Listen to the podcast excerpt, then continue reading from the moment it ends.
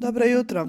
Ponedjeljak je 16. oktobar, ovo je podcast Šta ima, ja sam Una Čilić, pa hajde da vidimo šta se danas dešava u BiH i svijetu. One, two, three, danas bi trebalo početi suđenje predsjedniku Republike Srpske Miloradu Dodiku i vršitelju dužnosti direktora službenog glasnika RS-a Milošu Lukiću, na kojem bi se trebali izjasniti okrivici.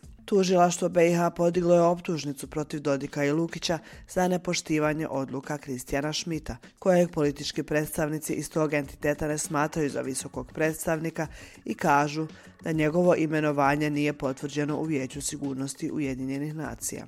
O čemu se detaljnije radi možete naći na našem sajtu slobodnaevropa.org. Počinje i samit o Zapadnom Balkanu u okviru Berlinskog procesa. Tim povodom će Borjana Krišto, predsjedavajuća vijeća ministara BiH, boraviti u Tirani. Berlinski proces inicirala je 2014. godine tadašnja njemačka kancelarka Angela Merkel, a ideja je da se promoviše politički dijalog, saradnja i konkretni projekti među zemljama Zapadnog Balkana. Tokom samita lideri Zapadnog Balkana raspravljaće o napretku na zajedničkom regionalnom tržištu, uključujući provođenje regionalnih sporazuma o mobilnosti potpisani prošle godine u Berlinu. Također se očekuje da će podržati niz zajedničkih stavova po pitanju saradnje u područjima kao što su klima i zagađenje, digitalna tranzicija te olakšavanje trgovine i transporta. U Tiranu također stiže i predsjednica Europske komisije Ursula von der Leyen kao i komesa za proširenje Oliver Valhelji.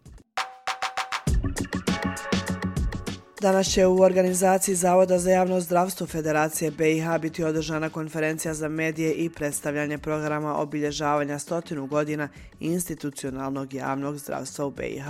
Tokom konferencije saznaćemo više o najznačajnijim dostignućima Zavoda tokom njegovog stogodišnjeg djelovanja u područjima prevencije, očuvanja i unapređenja zdravlja stanovništva te na javno zdravstvene prioritete i djelovanje Zavoda u budućem periodu.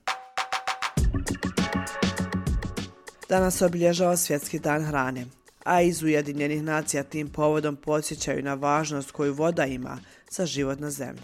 Pokriva polovinu naše planete, čini oko 50% našeg tijela, proizvodi hranu i podržava naše živote.